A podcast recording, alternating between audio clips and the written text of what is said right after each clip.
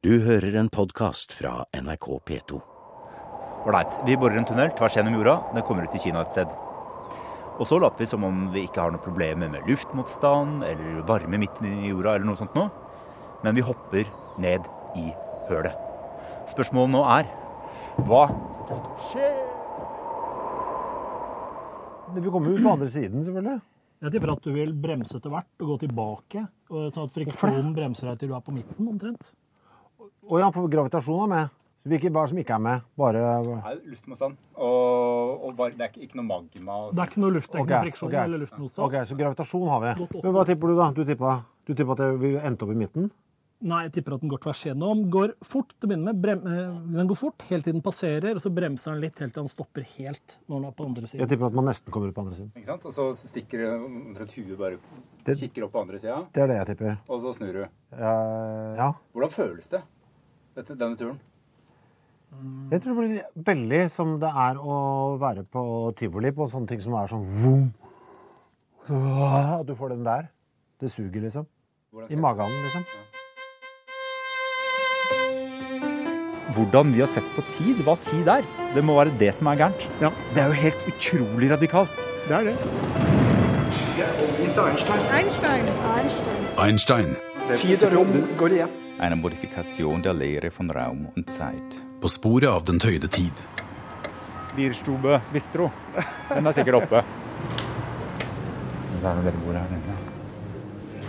Could I have two of those uh, Schweinsnitzel? Yeah. Yeah. Uh, do you have uh, any Czech beer? What, what kind of beer? Some from Czechia? Some... Yeah. It's a Pilsner, yeah? Ja, Okay. Da har vi satt oss eh, på en kafé, og vi har bestilt eh, tysk mat. Eh, og det er litt til ære for at Einstein eh, om noen episoder og om noen år så havner han i Tyskland igjen. Men jeg har også bestilt en tsjekkisk pils. og det er fordi at i denne episoden her så skal vi høre om da Einstein havna i Tsjekkia. For det, der var han et, eh, et års tid. Eh, før, vi, før, før vi hører mer om det, Øyvind Grønn, så har jeg denne pilsen her nå. Mm. Holder jeg den over steingulvet her. Og så, Dette ser skummelt ut. Dette ser skummelt ut, ja. Eh, hvis jeg nå slipper opp hånda mi nå, hva skjer da? Den faller jo, og det blir et forferdelig brak. Og det blir tusen knas. Og mye søl. Ja, det gjør det. Og så er spørsmålet ja, hvorfor gjør den det, da? Hvorfor faller den ned på bakken? Hva ville, hva ville Newton sagt? Ja, for her, det er jo noe. Det er bra du nevner Newton. Eh, For nå fikk jeg plutselig lyst til å sitere Einstein. Jaha. Og det er at eh, eh, det er teorien som forteller hva vi observerer. ja. Og siden du nå nevner Newton, så må vi svare ut fra Newtons tyngdekraftteori. Så Newton ville sagt den faller fordi det virker en tyngdekraft på den. Jorda trekker på den. Ja. Gravitasjon, som mange sier. Ok. Og da trekker den ned mot jorda, eller de trekker mot hverandre. Den krasjer i jorda og går i tusen knas. Og så er spørsmålet hva ville Einstein sagt om dette samme? Ja, hold den tanken litt. Du får ikke lov til å svare ennå, Øyvind. Nei da. Men vi kan merke oss igjen det som Einstein sa. Det er teorien som forteller hva vi observerer. For i denne episoden her så skal vi altså ikke bare til Tsjekkia, vi skal også høre hvordan Einstein tok sine første skritt mot den generelle relativitetsteorien. Vi er ferdig altså med den spesielle relativitetsteorien. og Vi har kommet til den generelle. Og de første små skrittene de tok han i Bern i 1907. Så vi skal tilbake til Bern, og vi skal til patentkontoret. Og en veranda jeg og du fant da vi var der. Vi kan ta en Einstein-heis. Ja. Heiser er også relevant for Einstein. Ja, særlig hvis snoren ryker. Ja. Eh, Nå, nå skal vi jo tenke oss kanskje etter hvert at snoren ryker, da. At vi er i en heis i fritt fall. Ja. Det skal vi komme tilbake til. Vi prøver heisen. Vi prøver heisen. Skal vi se, hvor skal vi? Hvilken etasje jobber du på? Fjerde? Vet ikke. Han jobba litt høyt oppe, tror jeg. Eh, veldig fin glassheis, da. Ja, så um, dette her, den um, Einstein kunne godt ha tenkt seg hvordan det ville være å være i en heis som er i fritt fall. Det kan være at de hadde en slags heis Hadde de heiser på den tida? De hadde begynt å ha det. Tør ikke si det. Her er det faktisk utsikt òg. Kan vi Ja, vi Er det går an? Det går an å gå ut her også? Ja. Se her. Her kommer vi oss faktisk ut på en, en veranda hvor Det føles litt Å, det er langt ned. Det er langt ned, ja. Eh, Så her kan man virkelig oppleve å være i fritt fall en, stund, en liten stund, Ja. hvis man skulle falle her. historien skal i hvert fall ha det til at eh, en dag mens han satt og jobba og sleit Kanskje han måtte ut og trekke litt frisk luft? Hvem vet? Kanskje han sto på denne terrassen Det kan godt hende. For det var visst noen som jobba, var det ikke slik historien her? Ja. På andre sida. Kanskje vært i bygget der borte. Ja, jobbet oppe på takhøyde. Takhøyde, ja. Ikke sant? Og det er langt ned.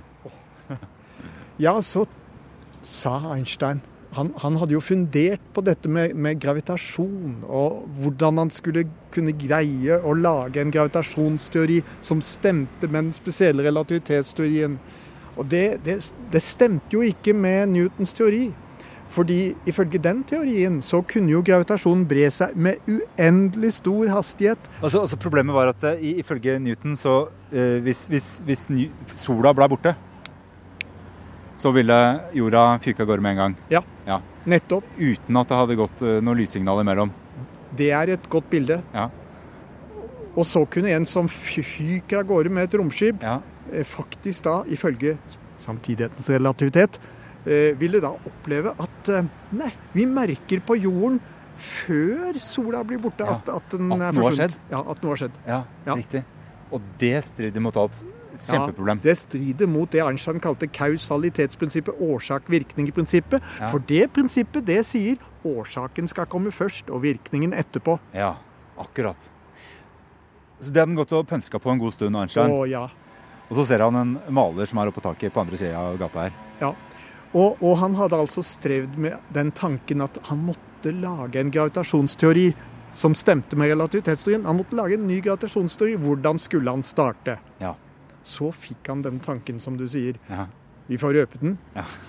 Han kalte det sin lykkeligste tanke. Tanken var hvordan vil en person som faller ned fra taket, oppleve tyngde? Hvordan vil denne personen oppleve tyngde? Og tenk deg nå Ja, at, at denne fyren med, som står der med et malerspann ved siden av seg, Ja. snubler, detter utfor og, og er på vei nedover mot bakken. Antagelig så vil ikke denne personen tenke så mye på relativitetsteori, men det gjør det Einstein. Og Einstein tenkte OK, sett nå at han hadde med seg en badevekt, f.eks. Ja. Når han står stille på taket, så Ja. viser badevekten 85 kilo. Ja. Men hvis den badevekten faller sammen med den, Ja. og han står på den badevekten mens den detter nedover, Ja. så viser den null kilo. Den viser ingen vekt i det hele tatt. Han opplever ikke noe tyngde mens han faller. Nei. Fordi da faller både han og badevekta like kjapt. Ja, ja, de gjør det. Det er jo litt sånn som når vi står i heisen, og den begynner å eh, gå oppover. Akkurat. Ja, Da føler vi ekstra tyngde. Da føler vi ekstra, men når den faller nedover, Ja, så blir vi litt lettere. så blir vi lettere. Og hvis eh, heissnoren ryker, ja, så plutselig viser ikke badevekten noe i det Nei. hele tatt. Nei, for da faller både du, badevekta og heisen like fort. Yep. Riktig. Og han stakkars fyren da, som detter ned av taket med malerspannet sitt, Ja. han vil falle akkurat like fort som malerspannet. Ja. Og malinga henger, faller også like fort. Ja. Så den skulper ikke utafor den heller. Nei. Så hvorfor kalte Einstein dette sitt livs lykkeligste tanke? Ja. Jo, han sa denne tanken ledet meg mot en gravitasjonsteori. Fordi han skjønte umiddelbart at aha, dette her det gjelder uansett hva denne personen måtte bestå av. Det har ikke noe å si om hvor mye hydrogen og helium og karbon den personen består av.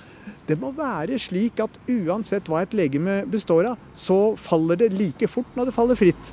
Så det er ikke en egenskap ved materien. Det er kanskje på en måte heller et egenskap ved rommet. På en måte. Nettopp. Det er ikke en egenskap ved materien. Nei. Det er, har ikke noe å si om Det her minner veldig om Galileo. Ja. Og det går masse sånne historier om disse gravitasjonsideene til de store menneskene. Ja. Newton som satt under et epletre og fikk et eple i huet. Og Galileo som eh, står oppi et, eh, det skjeve tårnet i Pisa. Slipper en trekule og en jernkule for å se om de faller like fort. Det stemmer ikke, disse historiene, antakeligvis. Men, men de er gode. Ja, de er gode. Og mange har jo fortalt den historien om at Einstein faktisk så en, en, en fyr som falt ned fra taket og fikk denne lykkelige tanken. Det gjorde han ikke. Nei, det gjorde han ikke. Men han tenkte seg Men denne tenkte personen seg det, som falt fritt. Ja. Men, og det, men det ligner veldig på det med Galileo. da. Ja. Altså At den trekula og jernkula faller akkurat like fort. Ja, det ligner. Og det ledet Einstein mot det som eh, han selv kalte ekvivalensprinsippet.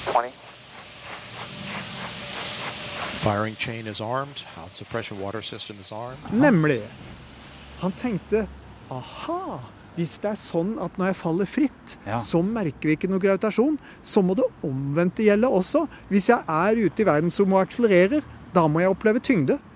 Hvis jeg da står på en badevekt Ja. i et romskip som Ja. akselererer, da vil den slå ut. Three, two, zero, and liftoff.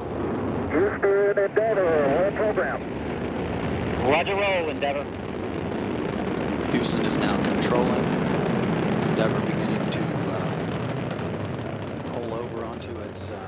Så hvis han står inne i dette romskipet eh, som ligner på en heis Ja, Det er helt mørkt, ingen vinduer. akkurat. Så står han på badevekta si. Ja. Den viser 80 kilo. Yes. Så kan han tenke at eh, aha, nå henger jeg i en snor og dingler over jord, jord, jordkloden Ja. i et tyngdefelt. Ja. Eller så har rakettmotoren skrudd seg på, og jeg er i full akselerasjon. Eller, eller, eller heissnora trekker, trekker ja, meg av men gårde. akkurat, akkurat sånn. Ja. Akkurat sånn som du sa der. Mm. Det er ekvivalensprinsippet. Mm. Og sagt på en litt mer presis måte, så sier det prinsippet at de fysiske virkningene av å være i en akselerert rakett, de er akkurat makne til de fysiske virkningene av å være i et tyngdefelt ved jordens overflate. 51.6 degree, 136 by 36 statute mile orbit.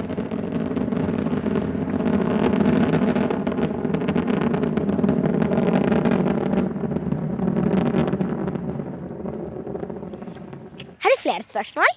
Ok, nå har jeg et fint spørsmål. Eh, si at vi borer et svært hull i jorda nå her. Um. Ja, Et kjempestort hull som er, går tvers gjennom hele jorda. Hva mener du? Mener du hele jordkloden? Ja. Oh. Så kommer du ut på, i Kina. Nei, det er ikke Nei, sant. det er ikke Da kommer du på en sånn derre Eh, Er det ikke den der tyngdekraften? Du Ja. vet den inni Den inni? kula greia Ja, som er i inni- midten av I eh, midten av jorda. mm, Den derre. Hva er det som er i midten av jorda? tyngdekraften. Masse Og lava. lavasteiner. Masse lava.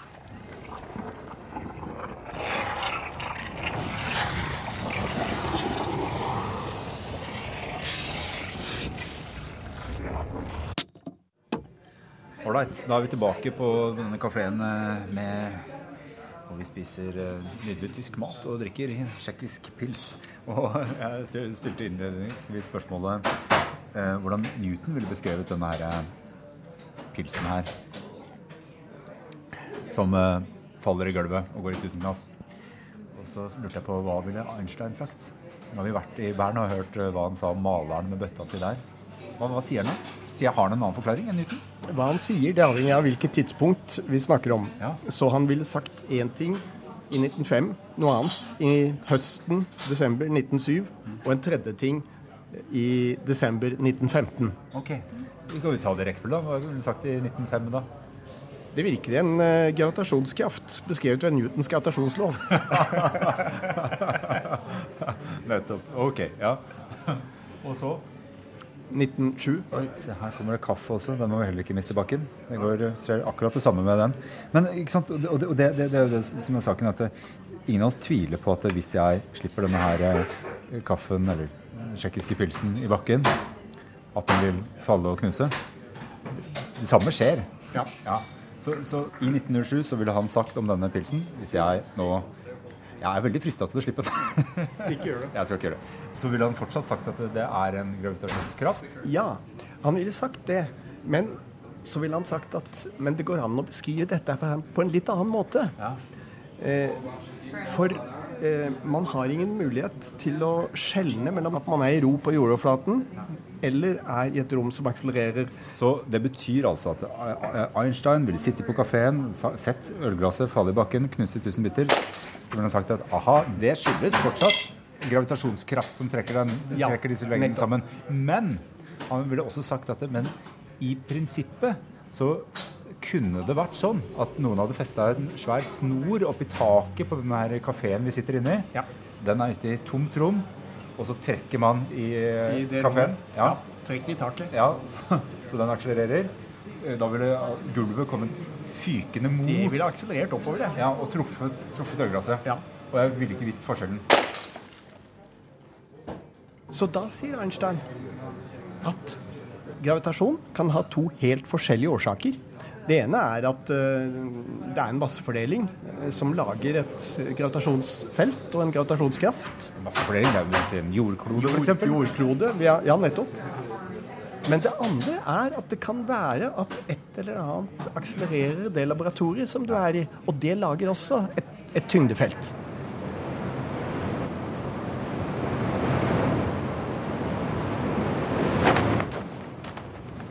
Jeg tror det Jeg ville jo ha vært veldig redd, egentlig. For at det ville Mest sannsynlig er det jo mørkt der.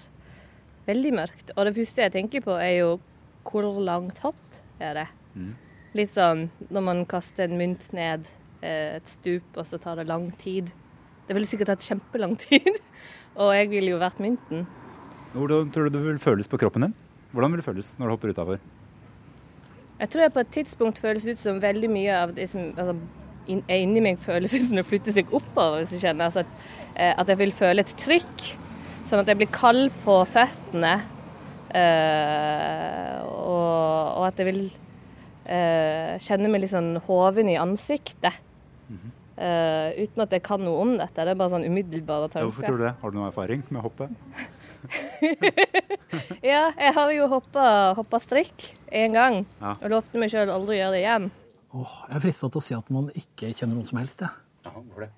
Fordi du ikke kjenner gravitasjonen er ganske konstant over hele kroppen. Du er ikke lang nok til å merke noe strekkforskjell. Du er som et punkt å regne i forhold til dette. Det vil si at hele kroppen blir utsatt for den gradvis samme kraften. Tror jeg, da. Jeg bare tipper. Men fart vil du jo kjenne her. Er kanskje Nei, for du har ikke motstand. Fordi det ikke er noe luftmotstand, så kjenner du ikke fart, liksom? Nei, jeg tror ikke du kjenner motstand. Og sånn, ja. Det jeg opplevde da jeg hoppa strikk, var jo at kroppen stritta fullstendig imot.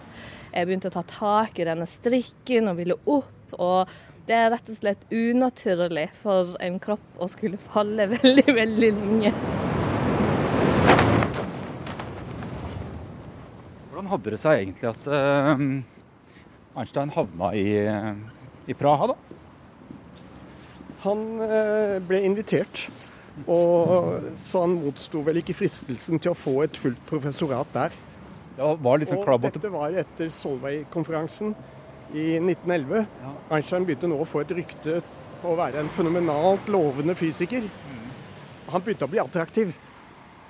På dette tidspunktet så var han egentlig kommet tilbake til Zürich igjen. Mm, men på en litt sånn ikke så prestisjefullt professorat, var det sånn? Ja. Disse ytringene til vår kollega Kleiner, basert på flere års personlig kontakt, var desto mer verdifulle for komiteen så vel som for hele fakultetet, siden herr doktor Einstein er israelitt, og siden israelske vitenskapsmenn tilskrives i parentes i mange tilfeller ikke helt uten grunn, parentes slutt, en del usympatiske karakteregenskaper, slik som å være påtrengende og ubeherskete og ha kremmermentalitet i oppfatningen av sin akademiske posisjon. Det må imidlertid sies at det også blant israelitter eksisterer personer som ikke har et snev av disse ubehagelige kvaliteter, og at det derfor ikke er riktig å diskvalifisere en mann bare fordi han er jøde. Man finner faktisk også ikke-jødiske vitenskapsmenn som utvikler kvaliteter som vanligvis betraktes som spesifikt jødiske når det gjelder kommersiell utnyttelse av sin akademiske posisjon. Derfor finner verken komiteen eller fakultetet i fakt med sin verdighet å slutte seg til en antisemittisk politikk, og informasjonen som herr kollega Kleiner har fremskaffet oss om doktor Einsteins karakter, har fullstendig beroliget oss. Og for å gjøre en lang historie kort, så fikk, søkte han etter hvert videre til andre stillinger, og fikk et eh, professorat, sitt første fulle professorat, i Praha. Hvordan, eh, hvordan var det i Praha? Eh, Miljeva mistrivdes stort sett der, eh, fordi hun mistet jo sin omgangskrets der. Eh, Einstein han omga seg med fysikere og pratet, var mye, en god del borte om ettermiddagene. Ja. både fordi han var på, i private seminarer og diskuterte fysikk med kolleger, og en par ettermiddager i uken kanskje til og med spilte han fiolin også forskjellige steder. Mens eh, Mileva var Hun var nok hjemme med barna. hun. Han arbeider hvileløst med problemene sine. Man kan si at han lever bare for dem. Jeg er litt skamfull over å måtte bekjenne at jeg og barna er uviktige for ham, og kommer i annen rekke. Og på denne tida har også statusen hans vokst voldsomt, og han begynner å få invitasjoner til å reise rundt om i hele Europa på konferanser og for å holde gjesteforelesninger og for å møte framtredende fysikere. Poincaré, Madame Curie. Jeg ville ha likt å ha vært der og hørt litt på og sett alle disse flotte menneskene. Det er så lenge siden vi så hverandre at jeg undres på om du kommer til å kjenne meg igjen.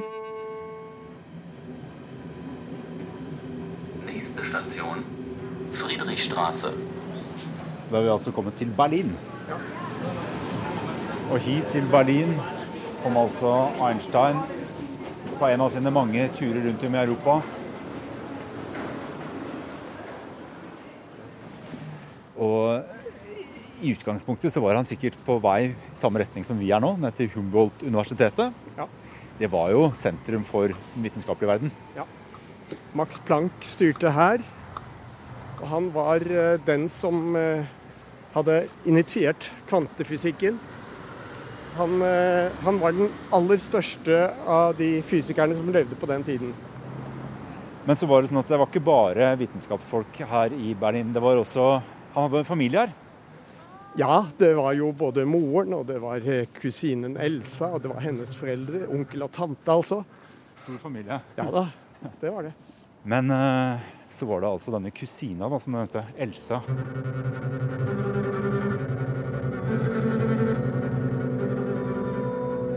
Eh, hun var en enke. Eh, derfor het hun Løventhal. Hun hadde vært gift med som het Løventhal, og de hadde to barn sammen, to jenter. Eh, Så hun var en litt sånn enslig, søkende dame. Hun hadde, hun hadde på en måte en slags sånn omsorg for Einstein. Hun, hun lurte på spiste han nok, hvordan levde han, og, og ga uttrykk for den typen ting. Og jevnaldrende. Ja, det var det. Og en helt annen person da, enn kona Mileva. De var veldig forskjellige. Eh, Så, så det, det oppsto nok eh, en, noe som ligna på en forelskelse der òg. Jeg forsikrer deg bestemt om at jeg regner meg som en fullverdig mann. Kanskje jeg en gang vil få anledning til å vise deg det. Etter hvert i disse brevene så blir det jo ganske tydelig at det her er det ganske sterke følelser i sving. Ja, Einstein følte at han på en måte Ja, hva skal vi kalle det? Han fant fred på en måte i det å være sammen med Elsa. Eh, i, situa I en situasjon hvor han opplevde at det var slitsomt å være hjemme sammen med Miljeva. Jeg må ha noen å elske, ellers er livet miserabelt. Og denne noen er du. Og det på tross av at eh, Elsa hun representerte helt andre verdier enn disse her liksom radikale bohemdrømmene han hadde hatt som eh, ung, han og Meleva. Ja, Elsa hun var borgerlig. Eh, Og, og i, et, i et av disse brevene som de utvekslet, så, så skrev faktisk Einstein til henne at ja, da kunne vi ikke kanskje prøve å etter hvert etablere en litt bohemaktig tilværelse sammen. Du aner ikke hvor sjarmerende et liv med svært små behov og uten prakt kan være. Tilbake til Praha igjen. Hadde det gått et år. Mm. Men så hadde han nok eh, skjønt at Han kunne ikke fortsette på den måten. Mm. Så han sendte brev til, til Elsa og sa at eh, nå må vi slutte å se hverandre. Derfor skriver jeg til deg i dag for siste gang og underkaster meg igjen det uunngåelige. Og du må gjøre det samme. Du vet at det ikke er hjerteløs eller manglende følelser som får meg til å snakke slik. For du vet at jeg, som du, bærer mitt kors uten håp. Og så gjorde han noe mer. Han bestemte seg for å flytte igjen. Nå fikk jo Einstein stilling, stilling ved den polytekniske skolen, hvor han hadde vært eller, full professorat. Vor zwei Tagen wurde ich Halleluja an das Polytechnikum in Zürich berufen und habe hier schon meinen KK-Abschied angemeldet. Endelig, endelig, tolv år etter at han gikk ut av Politekniske høgskolen i Sveits, så hadde han fått et fullt professorat der. Ja. Det må ha føltes veldig godt da, etter at han fikk så dårlig eh, karakter. han han var begeistret og brøt ut med et halleluja. Den biske Weber er død, så det blir meget behagelig fra en personlig synsvinkel. Auf frohes Wiedersehen, ihr A. Einstein und Frau. Da hadde den på en måte kommet tilbake igjen, hjem igjen. Det, og det var kanskje et, litt etter ønske fra Mileva også, da. Ja. Et Helt forsøk på å redde, Hun- hun- redde ekteskapet.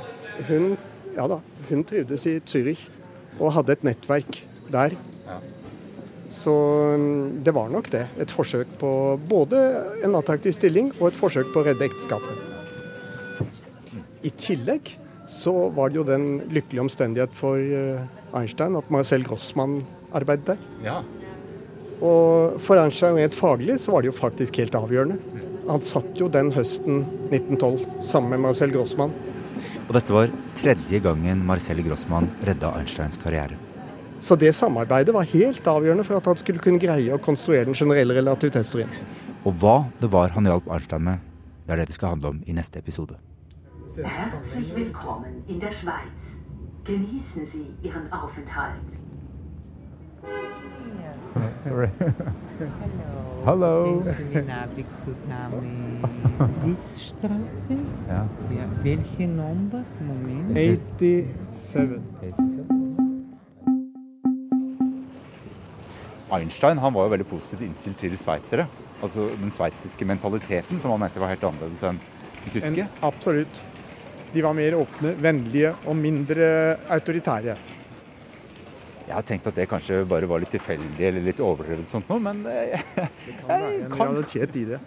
Ja, det kan være det. Ja, I hvert fall utrolig vennlig vennlig innstilte folk som vi har møtt på. eh, At det har vært en langvarig, god tradisjon her.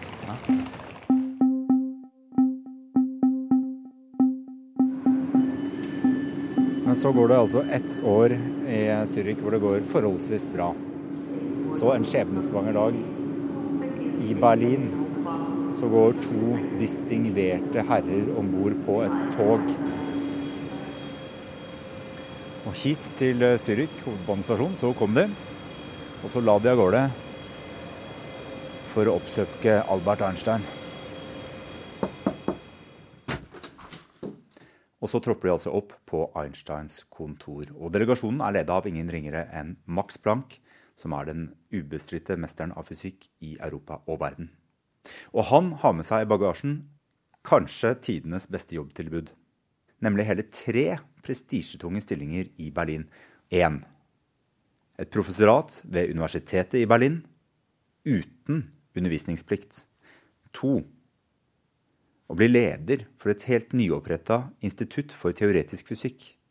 Og nummer tre å bli innvalgt i det prøyssiske vitenskapsakademiet som det desidert yngste medlemmet, og med en klekkelig lønn.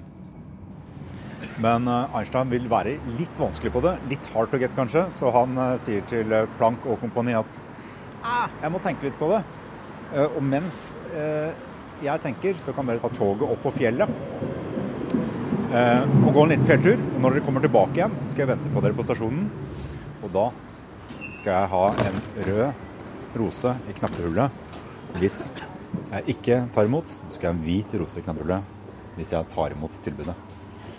Så da setter Plank og kompani seg på det lille toget som går opp på fjellet.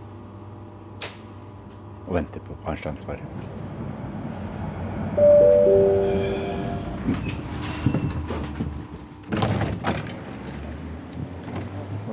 Tilbake igjen og går av toget, så står Einstein der på perrongen med en hvit rose i knappehullet.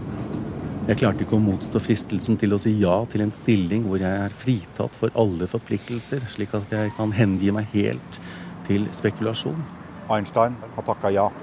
Og det betyr at han og familien gjør seg klar for å flytte til Berlin. Der det venter prestisjetunge stillinger. Et enormt forventningspress. Tyskerne gambler med meg som de ville gjøre med en prisvinnende høne. Men jeg vet ikke om jeg fortsatt kan legge egg. Og ikke minst Elsa. Jeg gleder meg inderlig til Berlin. Først og fremst fordi jeg gleder meg til deg.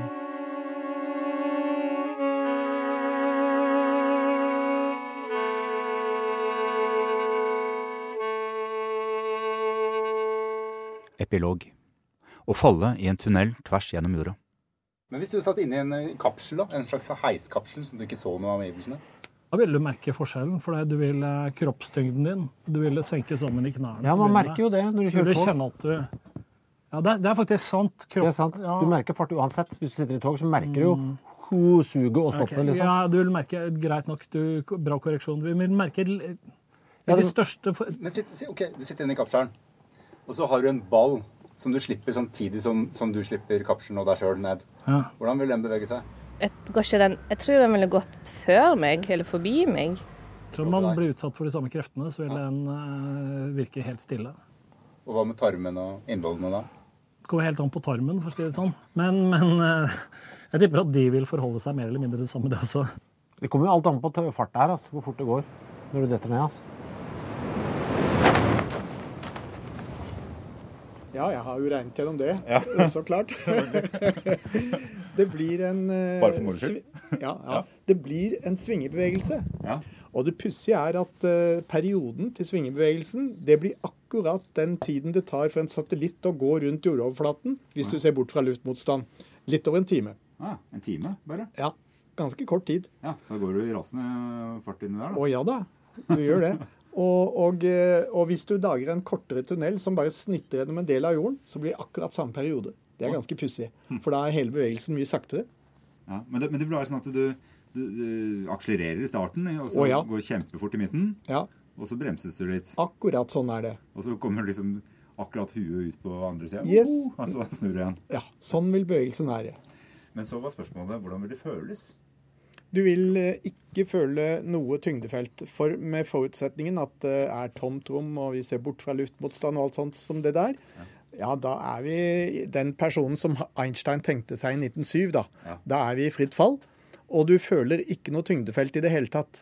Men hvis du nå tar hensyn til tidevannskrefter, Ja. så kan du føle bitte lite grann. Fordi tyngdeakselerasjonen vil være litt større nede ved føttene enn oppe ved huet.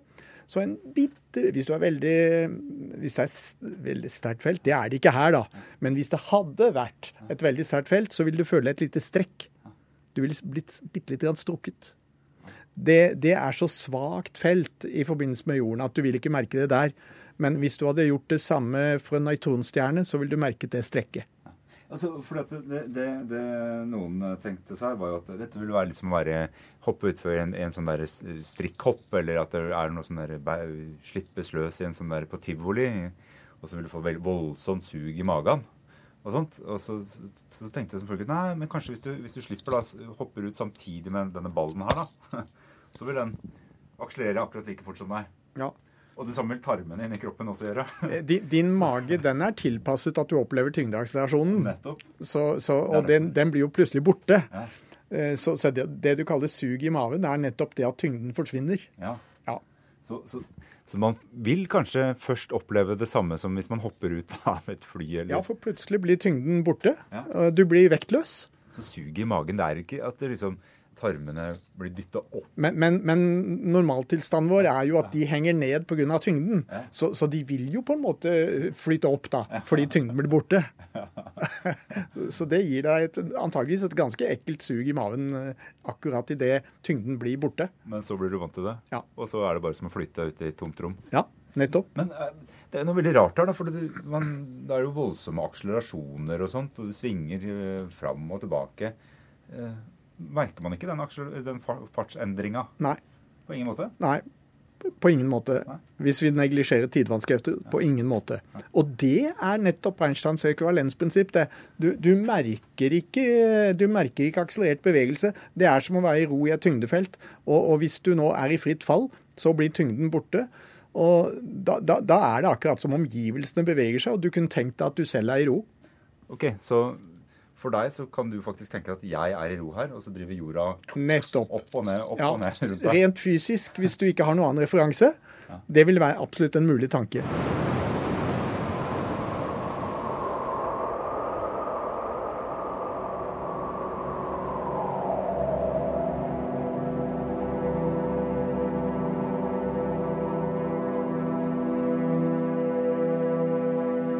Du har hørt en podkast fra NRK P2.